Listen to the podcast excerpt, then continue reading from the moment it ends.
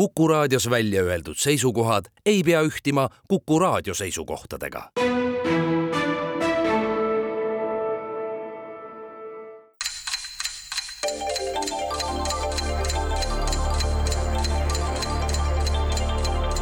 tarkade klubi targemaid küsijaid toetab lisateadmistega Postimehe raamatukirjastus tere taas, Kuku raadio Tarkade klubi tervitab häid kuulajaid küünlakuu neljandal ja viimasel laupäeval ja soovib kõigile teile ilusat Eesti Vabariigi saja kuuendat, loodetavasti säravat sünnipäeva. kõigile neile, kes kas vahetult või teleri vahendusel nähtud ja kogetud pidupäeva esimest tähtsündmust Pika Hermanni torni jalamilt kogesid ja keda ees ootamas kõik järgnevad tähtsündmused, on selleks siis marineeritud silkude rookimine, juuksuritoolis frisuuri kannatlik vormimine, pidupintsaku õrn kuumpressimine või muud laialdased toimingud, mida kõiki ühendab omadus olla elevusega laetud ja õhtuks tingimata valmis seatud. küllap tulete toime ja uskuge, see vaev, kui ta juhtub vaev olema, tasub ennast ära. oleme tänulikud Eesti riigile olemast ja loomulikult ei lase meelest minna ka oma võitluses headel sõpradel Ukrainast, kellele Eesti riigi sünnipäev seostub paraku millegi kujuteldamatult koledaga. küllap nemadki toime tulevad meie kõigi abiga. kuku raadio Tarkade klubi stuudiotes on meeltäis piduelevust istet võtnud sama tore nelik mängijaid, kes nädal tagasigi. Hea meel on Tallinna stuudios tervitada kedagi, kes mitte ainult ei tea, vaid seda ka teistele edasi annab, miks on Lõuna-Eestis mõistlik olla matuserongkäigule vastu liikudes esimene peatuja. hea folklorist ja õppejõud Marju Kõivupuu. ja tere kõigile. Marju paarilisena on tänagi istet võtnud mõtestaja ja arvaja, Postimehe arvamustoimetuse liige Erkki Bahovski. tere Euroopa kultuuripealinna stuudios on taas istet võtnud mitmekülgsete teadmistega juuratudeng Karmen Viikma. tere, head vabariigi aastapäeva kõigile! ja tema kõrval lõputute teadmistega arhitektuuriloolane Toivo Kreek. tere päevast!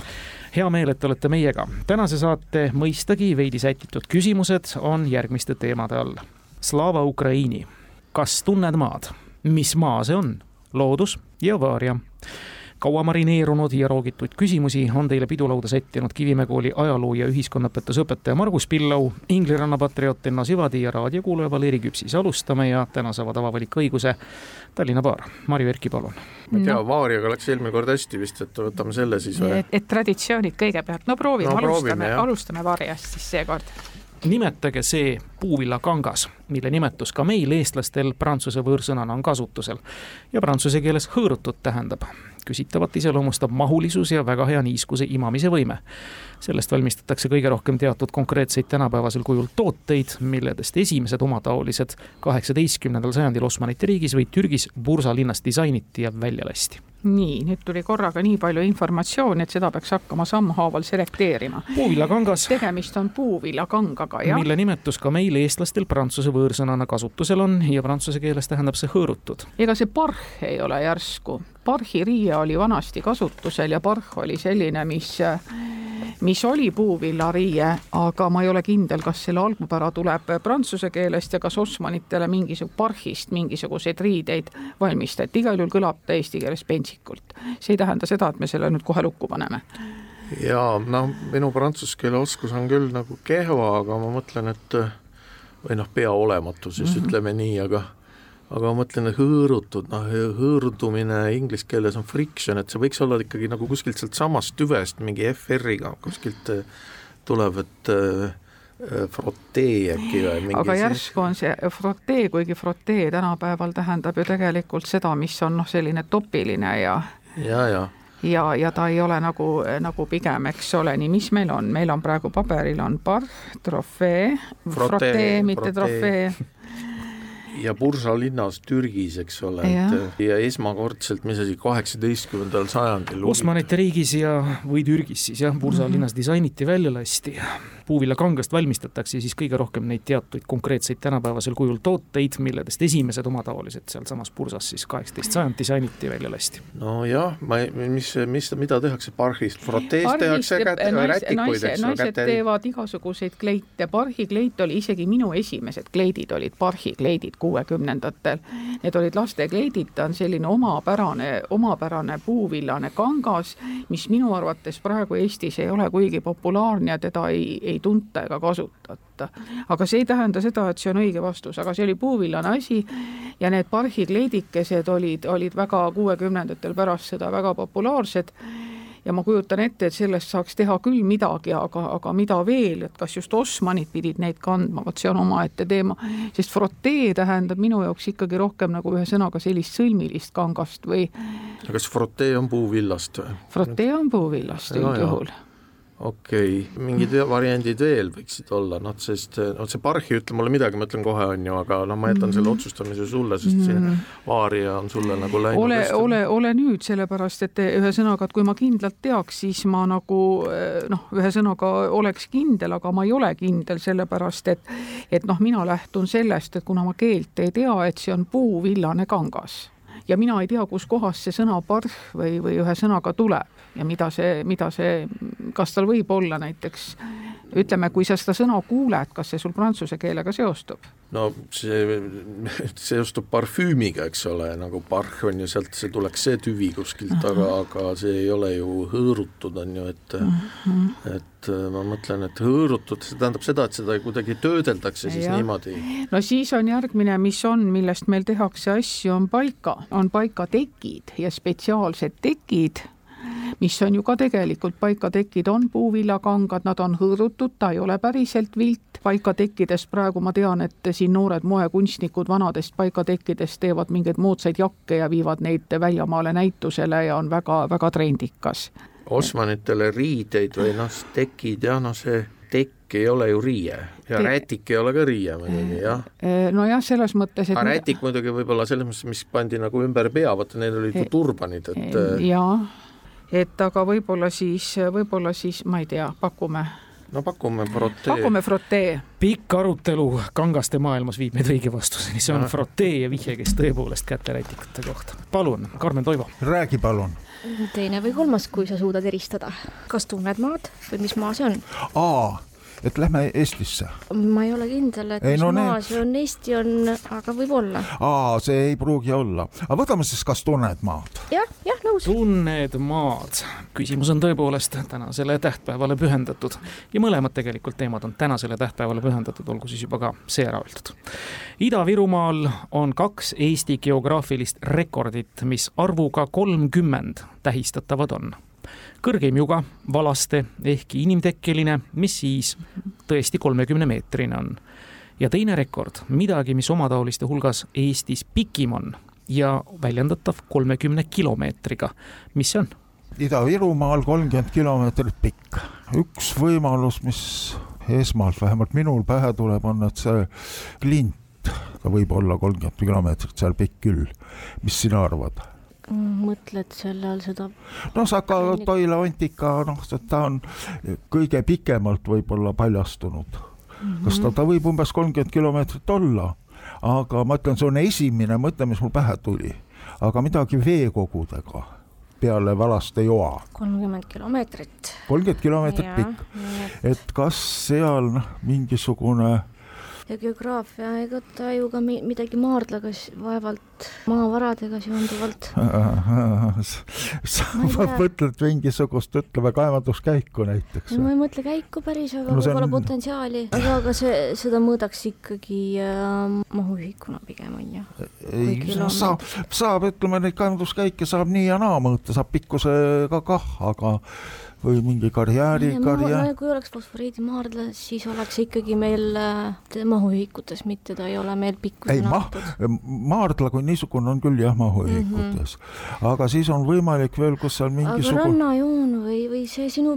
tegelikult see sinu paljand ei ole üldse halb variant. ta ei ole halb, aga aga aga see oli Eesti aga, kohta rekord või? ja, ja, ja Eesti, nii, aga see pikkus võib, ühesõnaga see paljand, see võib olla kolmkümmend kilomeetrit küll, aga variandid on veel, kas seal Narva Narva jõel mingit vana jõge ei ole, mis võib kolmkümmend kilomeetrit pikk olla, siis.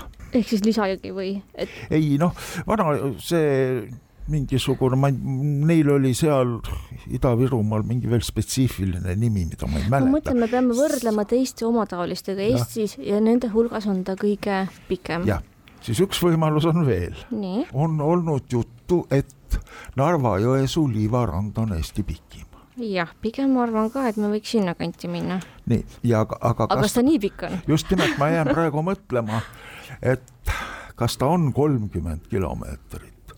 ma olen sedamööda küll kunagi astunud, aga ta võis kolmkümmend kilomeetrit küll olla, kui no ma arvan, sa ei astunud seda nii pikalt ära, sest siis mäletaksid. kuule, ma olen praktiliselt kogu Eesti mandriosaranna joone jalgsin, muidugi mitte järjest, aga olen läbi käinud.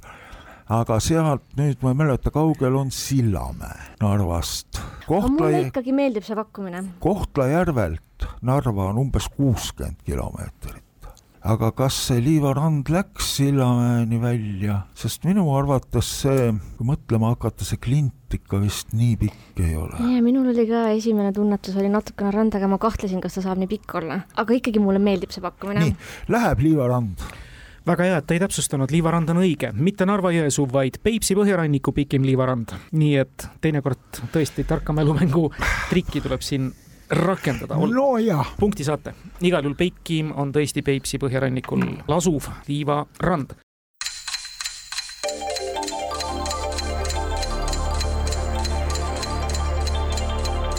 tarkade klubi. Targemaid küsijaid toetab lisateadmistega Postimehe raamatukirjastus. Üks-üks, lähme edasi, Marju Erki, teie valik. no siis võtame selle teise varja ka ära küsimus Tenno Sivadilt, healt raadiokuulajalt, kes vist jäi alguses mainimata, vabandust, aga ta on meil täitsa küsimusega esindatud. kõigest neljakümne kahe aastasena siit ilmast lahkunud Nõukogude Venemaa kunstnik Viktor Popkov oli žanrimaalija ühel tema tuntud teosel Brigaad puhkab on kujutatud nii magavaid, puhkavaid kui ka raamatuid lugevaid inimesi. aga mõned mehed mängivad pildi peal malet pilt pidi demonstreerima muidugi kaasaegsetele tööliste kõrget kultuursust. see pilt kaunistas ka kahe tuhande kaheteistkümnendal aastal toimunud maailmameistritiitli matšil India esindaja Viswanathan Anandi ja väljakutsuja, toona Iisraeli esindaja Boris Gelfandi vahel küsimus kõlab, kus toimus see MM-matš? kas see oli nüüd see male küsimus? see oli see male küsimus, jah. ai jaa, nii, mina kahjuks male, malekunst on, on ju kena ja väga hariv, aga väga palju ma sellest ei tea. aga see oli siis kaks tuhat kaksteist, et kus see matš võis toimuda? kus, eks ole, noh, ilmselt, ilmselgelt siis ei olnud see ei Indias ega Iisraelis. karta laseb, jah. aga oli üks selline tore tegelane nagu Kirzan Iljumzinov kes oli kunagi FIDE president ja tema oli ühtlasi ka Kalmõkkia president, et äh, muidugi nagu mõte läks sinna, et see matš oli Kalmõkjas, noh muidugi ma muidugi ei saa aru sellest seoses selle vene kunstnikuga, aga noh, kui Kalmõkki on Venemaa osa, eks ole, et siis no võiks ta olla Kalmõkjas mõtleme natuke veel, kus see siis veel võiks olla, et et kus üldse sellist pilti üles pannakse, see ei ole selline maal, ma kujutan ette, mida päris igale poole üles riputatakse, et see võiks olla võib-olla jah, ja seal mulle, mulle meenub, mulle meenub ka see, et Kirzan Iljumzinov oli ju suur Ostap Benderi aut-, austaja, Ostap Bender teatavasti oli male suurmeister, osatas no, küll ainult ühte käiku, aga aga ka selles võib olla väga perfektne. Et noh, see maal, jah, sellega oleks siis seostatud, ma ei, noh, ma ei oska muud, no me võime selle maakera ju ümber käia ja pakkuda, aga noh, see on niisugune esimene mõte, mis mul turgatab, et me või noh, öeldakse küll, et usalda naisterahva esimest ja meesterahva kümnendat, aga kuna mina praegu väga kaasa rääk-, rääkima ei kipu, siis igal juhul kõlab see intrigeerivalt, et paku ära. no see on kalmõkk ju. ei ole Karmen saab võimaluse mulle küsimusele vastata koos Toivoga. mis sa räägid? ma ei mäleta täpselt, ma tean, ma olen matši vaadanud, mul millegipärast seostub Iisraeliga, aga ma ei tea, vastasvõistkond kummutas selle. tähendab, ega esimene minu mõte oli. Aasia, ikkagi ta oli kuskil, minu meelest ei olnud Euroopas. ah, ma nägin matši. kaheteistkümnenda aastal just jah. tähendab, ma mõtlen praegu et kui aus olla, siis esimene mõte oli muidugi ka, ka Kalmõk ja, ja Ilumžinov, aga, aga ütlen siis ka ära, et oma teadmistega ärplemiseks, et Kalmõk ja pealinn on Elista aga mul on üks asi meeles, et mingisugune maailmameistrimatš toimus Sotšis aga kas see oli see? võis olla. või oli, ei... sest mingi igal juhul toimus Sotšis, siis tuleta meelde, kus veel, aga mul on tunne, et see kaks, see Sotši matš oli natukene hilisem kui kaks tuhat kaksteist, aga ei pruukinud olla. ma mõtlen praegu, ma. ei, ma näen, et sa mõtled, no särisevad juuksed peas lausa võib-olla oli see ikkagi see sinu esimene variant. Sotši või? ei, mitte Sotši. ei, ei, aga... Elista, Elista ja Kalobõkja välistati, ei olnud sest ma ei usu ka, et Karjakin ja Karlsen mängisid Sotšis. mina ei mäleta, kes mängis, aga, aga ja mis aastal see oli, nii, aga mis aastal Sotši olümpiamängud olid? hiljem. hiljem jah, nii kaks tuhat neli, kaheksa, kaksteist olid suveolümpiamängud, siis Sotši kaks tuhat neliteist.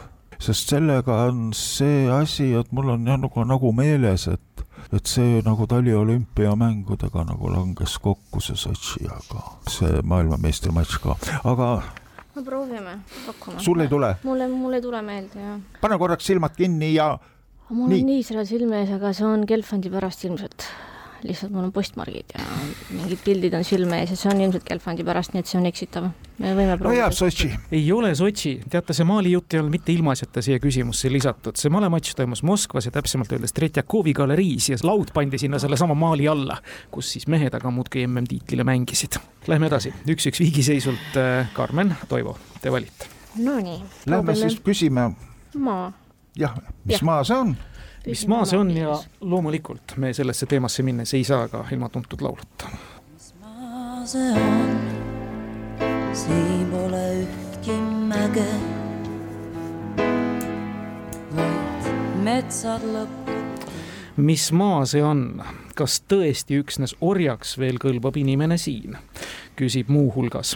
Ju tegelikult ühtlasi sedastab Peeter Volkonski kirjutatud sõnadega tuntud ja kuuldud Ultima Thule muusikutega ette kantud laulus Siiris Sisask.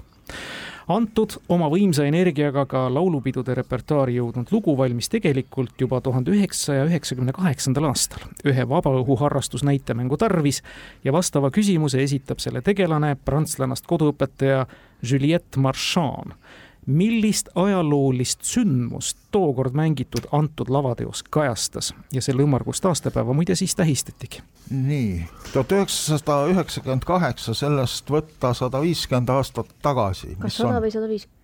sada viiskümmend kõlas või? ümmargust. mina võtan, mina võtan sada viiskümmend tagasi, mis me saame? kaheksasada kas nelikümmend kaheksa äkki siis? nii.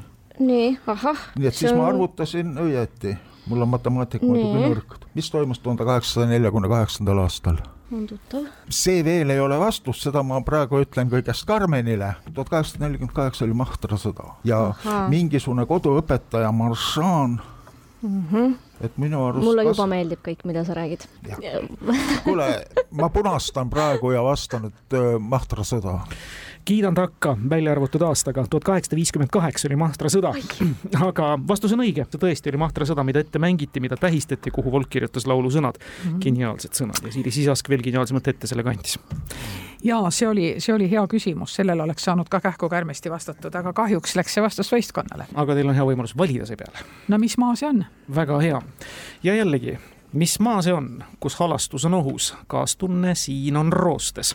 Siiri Sisaskja eelseisval hilissuvel siis seitsmekümneseks saav meie hea sõber Peeter Volkonski ise, mõlemad on siiski ühed nendest eestlastest, kes oma tihti kaastundlikku vaimsust väljendava loominguga ülejäänud kaasmaalastele alati eeskujuks on olnud. nii nagu käesoleva teema imeline nimilaul juba iseenesest kes aga on see teada-tuntud inimene, kelle nime juurde vähemalt kord aastas lisatakse mitteametlikult tiitel kodutute patroon täpselt taolisel kujul, kuigi tähenärjelikult lähenedes võib selle keelelistel põhjustel ka kahtluse alla seada. vastava heategevusliku projektiga tegeleb ta juba jooksva milleeniumi esimesest aastast alates. küsitaval seisab tänavu nõnda nagu Volgilgi ees üks ümmargune tähtpäev, aga ümmarguste kurvidega. nii, siin oli jälle palju krüpteeritud fakte, et. laias laastus me tahame teada tuntud inimest, kelle nime juurde vähemalt kord aastas lisatakse mitteametlikult tiitel kodutute patroon, mida tähenärjelikult lähenedes keelelistel põhjustel võiks ju kahtluse alla seada. vastava heategevusliku projektiga tegeleb ta juba jooksva milleeniumi esimesest aastast alates ja temalgi seisab tänavu nagu Volgilgi ees üks ümmargune tähtpäev, aga ümmarguste kurvidega. kas me nüüd jõuame otsapidi Oleviste kiriku heategeva ürituseni, kus jõulude ajal jagatakse äh, kõikidele nendele inimestele, kes kannatavad moel või teisel puudust, kõikvõimalikku nii-öelda siis abi toidu näol ja seda veab eest nüüd naisterahvas ja vaat ma pean nüüd mõtlema, et kuidas nüüd selle Reet Linnaga on, aga see ei ole veel praegu lõppvastus, seda ma küsin sinu käest. kes, kes nendest naistest seal seda eest veab? Riina Solman tegeleb sellega. Riina Solman agagi, aga Riina Solman, kas tema saab, kas temal on ees ootamas ümmargune tähtpäev?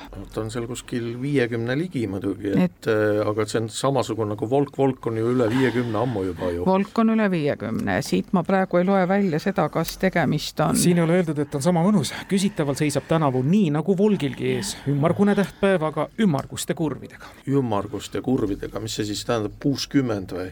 kolmkümmend, ei kolmkümmend nagu ei ole ikka niisugune juubel. aga minu meelest, kui vanaks Reet Linna saab? Reet Linna saab juba, no hea küsimus nüüd, see on nüüd nagu piinlik siin naiste vanust hakata eetrist arutama, aga aga, aga tähendab põhimõtteliselt ümmarguste, ümmarguste kurvidega, ega see ometi kuskile ei, sinna natuke rohkem kui seitsekümmend ei ole. seitsekümmend viis peab see olema, sest no kaheksakümmend ikka ei ole, no Ivo Linna sai seitsekümmend viis. just nimelt, no Reet Linna on natuke vanem, Reet oli vanem, aga, aga ma ei taha jälle, vaat need on jälle sellised faktid et millegipärast, ühesõnaga, esiteks alustame sellest, kas sa oled sellega nõus, et jutt on Oleviste kiriku nii-öelda ei, ma ei ole selles sada protsenti kindel, ma jäin mõtlema selle nime peale, tähendab, vaata, eks ole, et siin on öeldud, et see kodutute patroon, et see nimi nagu ei pruugi hästi haakuda sellega. tiitel. tiitel, aga sellisel tiitel. juhul on matroon, sellepärast et vaata, kui me räägime sellisel on matroon ja patroon, jah, jah, okei, no siis on naine, jah, jah. et mina näen selles, et tegemist on siin naisterahvaga ja, ja miskipärast nagu see Oleviste mul tuli meelde, sellepärast et noh, see aeg ka nagu klapib ja millegipärast mul on selline tunne, et ühesõnaga, et kas mitte ikkagi Reet Linna ei olnud see, kes seda alustas, kes võttis kogu, kogus neid äh, sokke ja asju, et need avaliku elu tegelased nagu on olnud sellega seotud, aga, aga ma ei ole sada protsenti kindel mina ka ei ole jah, ma tean, et Riina Solman sellega Riina Solman viimastel aastatel, aastatel on tegelenud. ja ma seda ei teadnud, et Reet Linna nagu alustas sellega, aga kas ta siis nagu tegeleb sellega järjepanu, siin on öeldud, et ta nagu milleeniumi algusest on nagu ta on minu meelest, ikkagi neid sokke kogu, kogub sinna aga vot mõtleme, kes veel naistest peale Riina Solmani ja Reete. no heategevusega või selle noh, kogu selle nii-öelda selle kirikliku poolega on seotud ka Lagle Parek minu meelest kuskilt, aga tema ole. ei ole seal nagu väga silma, silma no ta ei ole Olevistes, eks ole, meil just. ei ole sada protsenti kindel, et see on Oleviste. Parek, eks ole, on tege-, noh, seal Pirita kloostriga aga ta ei ole, ta on teinud küll viimastel aastatel, on tegelenud palverändlusega, aga selles mõttes nagu siit tuleb välja, eks ole, et on see kord aastas, võid sa palun veel korraks kord aastas vist oli jah ja. ja ja, ja, ja Reet Linna on natuke rohkem teada-tuntud jah, ja noh, viiskümmend ei ole kurviline juubel ka või no ma mõtlen numbreid on ju, et noh, kuidas, kuidas sealt nagu kurve nagu välja tuletada. no nad on igavesed kelmid siin selle krüpteerimisega, ma alailma komistan ja löön oma nina veriseks, sellepärast et et meie, meie teaduses, meie räägime ikka otse asjadest, mitte ja. niimoodi ei vingerda ja ei, ei kasuta peite, peiteväljendeid ja ma mõtlen, kas see on heategevus, kas see on nagu veel keegi Eesti naistest, kes siis võiks olla, et noh, patroonid, matroonid on olnud kas siis president, naispresident, eks ole, Kersti Kaljulaid või president proua Evelin Ilves. Nad ei ole nii järjepidevalt teinud. Neil ei ole seda järjepidevust, et, et mina nii, kuna kusjuures noh, ma tunnistan, et ma natuke olen panustanud sellesse olevistesse, aeg-ajalt küsitakse ühte-teist, mida saab sinna viia, mitte et mulle ei meeldi absoluutselt sellest rääkida, ühesõnaga, et, et kui ma olen võib-olla kusagil natukene putitanud, aga kas sa lööd mu maha, kui me saame valu, vale vastuse ja ma ütlen, et kuule, see ei ole mõisa peale, et paku. et Oleviste, Oleviste kiriku jumalateenistust ja seda on algusest peale nagu või vähemalt on sellega seotud olnud Reet Linna. nautisin seda arutelu, see on loomulikult Reet Linna, Oleviste kiriku kodututele mõeldud heategevuslik jõulupuu, rangelt võttes ta ei ole patroon, loomulikult vaid matroon. millise teadusliku loogikaga sa sellele õigesti juurde jõudsid, see oli õige. aga tore, et sa kahtlesid, täpselt nii nagu teadlane peab. ega midagi, lähme edasi viigiseisult kaks-kaks pool mängu selja taga ja Karmen Toivo, teie valik. jääme veel Eestimaa pinnale või? või meil on loodus, meil on Slava Ukraini. kuule, võtame maa tundmise lõpuni ära. kas tunned maad ja, ja teine ja. küsimus, seda me nüüd lauluga ei illustreeri, seda laulu teame niikuinii peast laulda, aga missugune Eesti piirkond taimliikide poolest kõige rikkalikum on, kõlab küsimus. tugineme taimetarga Toomas Kuke vahendatud autoriteetsele teadmisele selles piirkonnas kasvavad teiste harulduste hulgas näiteks ka luuderohi ja tuhkpihlakas, kui ainult mõned ära mainida. vastamisel maakonna täpsusest ei piisa, tuleb olla detailsem või teine variant, küsitavas regioonis asuv looduskaitseala, vastusena öelda. Järvseljal on puud, eks, või on muid puuliigid? ja Järvseljal on puud, mõni on kõige pikem, mõni nii et see on kõige puuderikkam. jah, ja seal mets see ei ole luuderohi seal ei kasva, aga kui nüüd maakonda ei pea ütlema või tähendab maakonnast ei piisa tahavad looduskaitsepiirkonda. jah, looduskaitse. Ehm, mis sa arvad Viidumäest? mul puudub arvamus, sest mul puudub teine, teadmine. teine võimalus on see Virtsu lähedal, kuidas ta on, laelatu puhtu, aga ma miskipärast, kuivõrd jutt oli luuderõhust, siis mina, või on sul veel ei. pakkumisi? ei, minu jaoks ei ole, ei ole see teada fakt. fakt ei ole teada, aga mõte, kuhu kanti lendab ümber Eesti? minul läks järv seljale, sinna ta jäi ja sealt ta välja ei saanud. sealt äh, paraku jah. nii et lendleme sinu mõttega edasi ja lähme siis no, Pidumäele. üks asi on see Virtsu laelatu puhtu, aga see on kõige liigirikkam, kas Virtsu võib-olla, ta ei ole nii lopsakas, ma, ma millegipärast eeldan või on? aga seal mul on nagu meelde jäänud, et just seal rannaniitudel on kõige rohkem aga kas seal jälle luuderohi kasvab? nii et hea küll, Viidumäe. õige, te tunnete maad, Lääne-Saaremaa oleks ka piisanud Viidumäe looduskaitsealal läänest ida poole keskmiselt mandrilisema ja külmema ilmastiku suunas liikudes väheneb ka liikide mitmekesisus.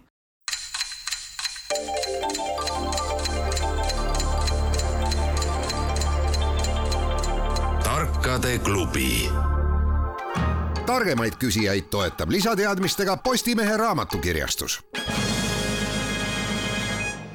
kolmas punkt, Tartu, Tallinnal kaks, hea võimalus järgi võtta. Ukraina loodust tahame või ei taha, igal juhul on need lauas. noh, tegelikult sa teadsid seda loodusküsimust, et võta siis, võta siis loodus. võtame looduse. no nii, ometi. Viidumäel on saanud väga palju noorespõlves äh, asjatada, nii et, et see, et, et see oli ka selles mõttes küsimus, mis oli jah, suhteliselt vastatav, aga siit ei tea, mis loodusega tuleb. vaatame, kõigepealt siirdume piiblisse Vana-testamendi alguse Eedeni aias kasvasid teiste taimede hulgas elupuu ja hea ning kurja tundmise puu, milledest teisena nimetatu vilja haaramise ja söömise tõttu kõigepealt Eeva ja seejärel Aadama poolt nüüd meie siin maises hädaarus siplemegi. kuid paradiisivilja kui niisuguse kujund on paljude maailma rahvaste mütoloogiates ning kohati ka bioloogiliste liikide taksonoomias oma väljundi leidnud. näiteks on olemas ju paradiisiõunad missugune vili aga ladina keeles citrus paradiisi on? Tsitruseline seega. huvitav tõik, et tegelikult on tegemist hübriidiga. Ja omal ajal pakkus Ellen Niit küsitava eestikeelseks vasteks sõna jõmmelgas jaa, eh, ma juba tahtsin jõuda selleni, et ma kindlasti kilkan vastuses ka, et, et see on jõmmelgas, aga tegelikult on see selline noh, ütleme sellise väheldase maakera suurune puuvili, mida poes müüakse nimetuse all ka kreebu või kreebusk või, aga tegelikult kõlab ta siis grapefruit õige grapefruit, greibipuu ja greibipuu vili, tema on siis pomelipuu ja apelsinipuu ristand. just, täpselt. loodus oli õige valik. väga õige valik. ja sellega nüüd tõmbab jälle Tallinn järele, kolm, kolm, lähme vahvalt edasi. Karmen Toivo. Nonii, Eesti on läbi käidud. Eesti on läbi käidud, nüüd on jäänud loodust ja Ukrainat. kuule, ma ei tea nii palju, kui mina olen siin mängimas käinud, ükskõik kas Priidu või, või Matisega, meie jaoks on loodus alati puutumatuks jäetud lõpuni välja.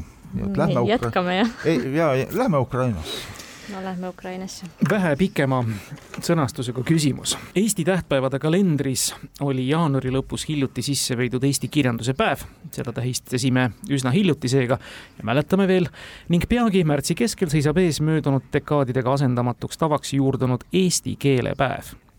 Ukrainas on aga juba aastast tuhat üheksasada üheksakümmend seitse Den ukrainskõi põsjemnosti Damovõ ehk siis Ukraina kirjanduse ja keele päev ning selleks on kahekümne seitsmes oktoober. varem Vene Õigeusu Kiriku mõjul Juliuse ja Gregoriuse kalendri erinevust arvestades üheksandal novembril tähistatud.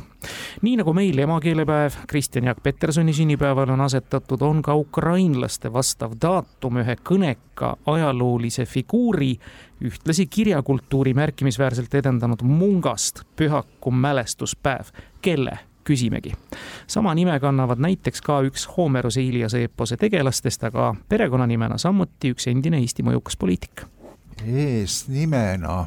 nii, kuhu tahad mind suunata praegu? tahan sind suunata, kes oli see tõesti niisuguse Ukraina keele ja kirjanduse aluse panija. ta ei olnud Skovoroda, aga midagi, midagi sarnast justkui. et üks endine Eesti poliitik perekonnanimega või ma ajan midagi sassi minu arust. Slaavi kirjakeelele panid alluse Kirillas ja Metoodias, aga nemad olid bulgaarlased ja siit ei anna midagi nüüd eestilist kah välja mõelda ja Homerose tegelase eesnimi ja Eesti kunagine poliitik. Skrupina, Skrupina. ma ei tea, mul on see Skovoroda, et kuidagi see nimi oli väga, eksitab praegu ja ei saa peast eest ära. katsu meenutada, et nii palju, kui mina mäletan, ta oli veel Lääne-Ukrainas tegelikult Lvivis, aga et seal nagu või ma ajan midagi sassi, aga no. minul Ukraina kirjandusega on ainult Gogol ma ei oska öelda, kes on kirjakeele, aga me võime proovida mõelda Iilase ja Homerose tegelaste peale. no vot, mul ei tule, et nendel oleksid eesnimesid olnud. ja Munga pühak oli siis see, kelle nime me otsime. Lesja Ukrainka ta, Lesja Ukrainka ta ei saa olla, kellega seoses mingid pühad Ukrainas tähistatakse ka, aga see peab muu olema siis. Skobodar, Skobodar, Kobzar, Kobzar oli seesamune Ševtšenkoga. eesnime me otsime siis Homeruse teosest ja perekonnanime mõjuka poliitiku. Eesti kunagine poliitik. Adonen. ei no Adonen. no ma mõtlen lihtsalt selliseid nimesid, mis ei ole, mis võiks kuskile sinnakanti minna või mis ei ole no, see, nii eestipärased. pigem siis jah, midagi niisugust slaavi pärast, kuigi ta jah või ka niisugune ladinapärane. kahjuks jah, on see asi, mida muidu peaks teadma kohe hoobilt, aga aga praegu on ta kuskil peidus. ma ei oska aidata. no tuleta meelde ei tuleta meelde ma ei ole kindel, et see on läbi käinud kuskilt. kindlasti sa oled seda nime kuskil kunagi kuulnud. ehk plahvatab kuskilt välja sul praegu. mingi Ukraina mingit kirjastust on sul ette sattunud? ei ole. ei ole. Lvivis sa oled käinud? ei ole, Kiievis olen, aga Lvivis ei ole jõle narr on niimoodi praegu ära anda, et vaat lihtsalt ei tule meelde. no nii, poliitikute peale. no ma mõtlen kah. küsimus, kas ta on selle nimega, mis on kogu aeg olnud, noh, ega siis Savisaare nimi on ka tulnud ju kuskilt mujalt natukene, kas me peame nii kaugele minema või see mõjus poliitik on ikkagi oma päris perekonnanimega no, siiamaani, mida me teame? ma arvan ikka päris perekonnanimega. siis? eesnimi Homeroselt, aga vast Kranich, midagi siin sellist ah,? no vot, Kranich võib sinnakanti minna, midagi taolist ta võis olla ka. aga Kranich on tegevpoliitik. no endine oli küll. ei, ta on praegu ka tegevpoliitik tegelikult, no see ei oma tähtsust äh,.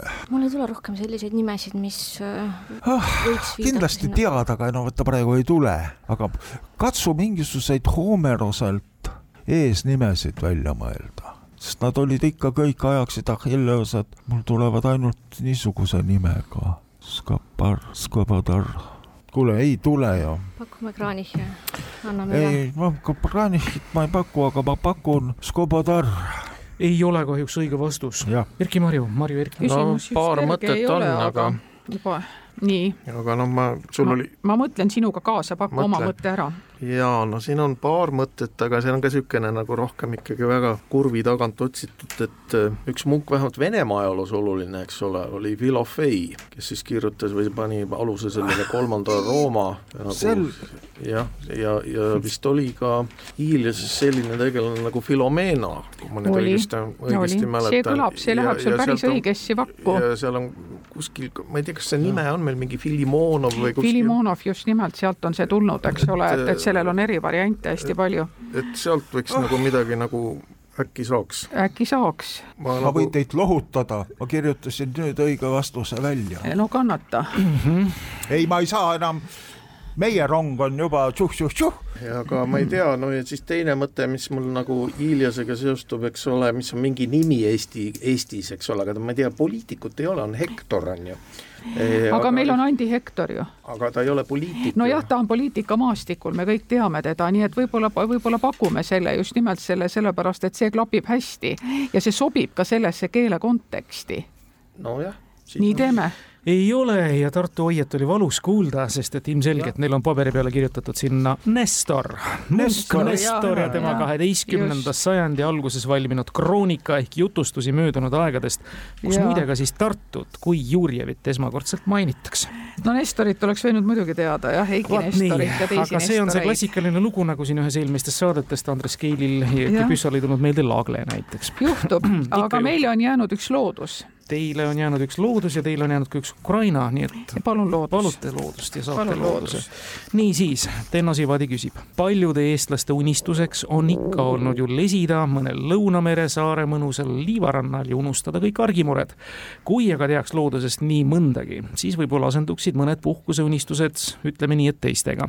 ja küsimus selle peale kõlab, millest on moodustunud peaaegu kõik Hawaii ja Malediivide ihaldusväärsed liivarandade liivad? Nii, Hawaii ja Malediivide liivad, no millest saab eh, olla, ta saab olla laavatuhk, eks ole, tuhk, mis on või noh, ühesõnaga must, väga erinevad eh, mineraalid saavad olla hõõrutud puruks, aga seal võib olla ka midagi veel, midagi muud, mis paneb aluse nii-öelda liivale. kas ei olnud need äkki kuidagi mingid loomsed Loomsed- loomsed jäänused, just jäänused, nimelt. mingid väljaheited või Äh, mingid just, jäänused just, jah, just, et just, mingid just, just, just, just, et, et me võib-olla jah, ei tunne, tunneks väga suurt rõõmu, kui me, kui me me pikutame, päevitame, et, et me võib-olla sõnniku hunniku peal lesime ja, ja võtame päikest. see on sama, mis vorsti söömisega, eks jah ole., ja poliitika tegemisega. ja, ja. Nad on jah, seal niimoodi, et, et aga sellisel see laavatuhk on mujal ka minu meelest, just. et noh, et see, aga mina, ma, ma seda Maldiivide kohta ma nagu mäletan, ma kuskilt lugesin selle kohta, et see on, see on kuidagi seotud jah, mingite elusorganismidega, et mm. mm. -hmm. et ütleme, kas see on sellisel juhul, me veel praegu ei vasta, aga ma pakun lihtsalt variandi, et kas see oleks nagu sõnastus, et need on lihtsalt elusorganismide jäänustest on moodustunud see liiv. no vot jah, et kas siin nagu loetakse vastuseks jäänus või väljaheide, et noh, ma ei tea no see on ka väljaheide on ka jäänus, jäänus, on ju. see on ka jäänus, vaata minus lööb praegu välja akadeemiline demagoogia, eks ole, et kas need on elu, noh, ühesõnaga väga mitmesugused jäänused võivad olla, mis, mis siis ühesõnaga mere, merevees niimoodi, võib-olla on need hoopiski näiteks seal luustikke või, või, või mis iganes, eks ole, mis nojah, et need on nagu Jah. luud on, eks ole, nagu mm. -hmm. aja jooksul nagu uhtunud no, nii ära. või, või, või mingid, või mingid liivaks. kor korallid näiteks või korallid no, võivad korallid on ka Austraalias, noh, samas, Jah, eks aga- ole, noh, mõtlen Maldiivid ja Hawaii, ma ei tea, võib-olla siis jah, mingid vaalaluud, aga noh, see on liiga spetsiifiline. see on liiga spetsiifiline, et, et, et sina sõnasta, aga minu sõnastuse pakkumine on see, et need on mingid elu, elusorganismide jäänused. Jah, ma lihtsalt kordan seda. ja kuna küsimuse autor ei taga väga täpsustatud andmeid, siis loeme selle vastuse õigeks. tõepoolest, täpsemalt öeldes on tegemist kalade väljaheidetega ja siin on täpsustatud ka, milliste kalade, papagoi kalaliigi väljaheide. oma võimsate lõugadega järavad nad koralle ja peenestavad nad tugevate neeluhammastega, kusjuures kasulikud toitainet kasutab kala organism ära, aga ülejäänud siis tõepoolest väljutatakse teadlaste väitel. võib üks meetri kuni pooleteist meetri pikkune papagoi kala väljutada üle saja kilo liiva aastas, kaheksakümmend viis protsenti muide. Need ikka korallid. nagu me ka vihjasime, jah. nii, see on teile neljas punkt ja Tartul on võimalus nüüd vähemasti viigiga võtta järele, aga kaotanud Tallinn seda mängu kindlasti ei ole. ja Ukraina küsimus, Karmen ja Toivo teile. umbkaudu seitseteist tuhat elanikku elab selles Ukraina kuurortlinnas ja rajooni keskuses, mille peamiseks vaatamisväärsuseks on Genua hiiglaslik kindlus mille ajalooliseks väärtuseks oli olla Tsaari-Venemaa esimene veinikasvataja ja valmistaja ja mille nimetus võib Eesti ühteoloogia murdetundjaid pisut muigamagi ajada. seitsmeteist tuhande elanikuga Ukraina kuurortlinn, rajoonikeskus. jah, nii, meie peaks olema jah Jaa. teie vastate. Krimmis oled käinud? Krimmis olen käinud. nii, mis sulle kala, kalanimeline linn tuleb meelde? kala nimi on Murdes. nii, noh, ma olen ka Krimmis ikka mitu korda, kas ütlen ära või? ütle ära muidugi. Sudak, muidugi Sudak, Krimmis asuv kuurortlinn Sudak, Sudak on murdes siis koha. suurepärane, võtate selle viimase küsimusega viigina järele ja tänane mäng ongi lõppenud, aga vabariigi aastapäeval on teisiti patt tahta. neli-neli viigiga, tore on olnud teiega ja taaskord tempokalt, teadmiste rohkelt ja kogu selle lusti peale, enne kui läheme siis juba pidulikku õhtut pidama, valime välja ka teie abiga täna parima kuuldud küsimuse. mina valiksin selle, kui te lubate, kus äh, siis äh, meid hanitati male küsimusega, see tähendab, et viiakse lugupeetud maletajat Tretjakovi galeriisse sobiliku maali alla nii-öelda siis nagu selle vaibi või tunde tekitamiseks. mis Tartu ütleb? ma ei tea nüüd, mulle Mahtra sõda ka meeldis, mulle tegelikult seesamune aga male küsimus ka meeldis jah. vale küsimus, no sulle pidi meeldima no pidi meeldima. minule meeldis ausalt öeldes see küsimus, mis mul, mille õige vastus tuli kuusteist sekundit hilja, nii et see Nestori küsimus. Siis on kõik head küsimused saanud siin peaaegu et ära märgitud, aga Tenno Sivadi ja tema male küsimus kindlasti ka veel ekstra. selle eest täname siis Tennot juba ka eraldi auhinnaga suur,. suur-suur tänu, Karmen ja Toivo Tartust stuudiosse. suur aitäh, Marju ja Erki siiasamma Tallinnasse. soovime ilusat vabariigi aastapäeva jätku, uute kuulmisteni. ilusat vabariigi aastapäeva kõigile. hoolega hoitud auhinnad toob kohale Smartpost Itella. lõpetame saate taas kuulajamänguga eelmisel nädalal lõpetas saate küsimus, mis kõlas järgmiselt.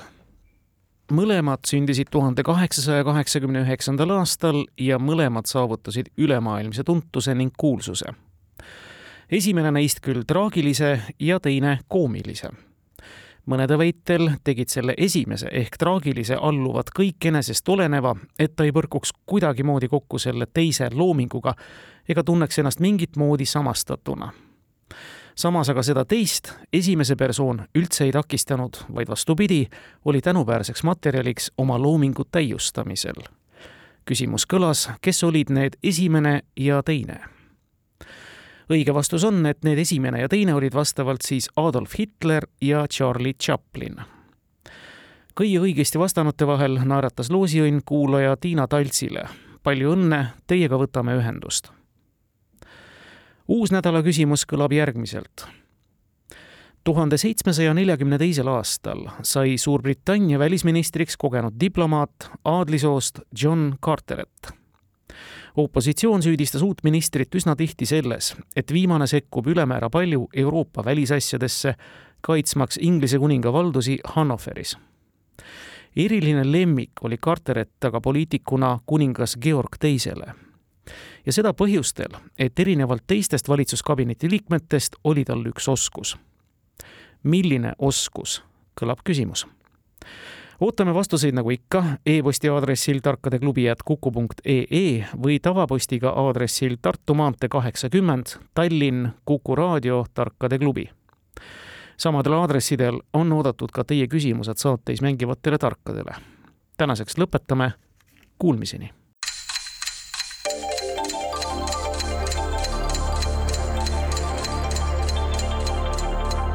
tarkade klubi.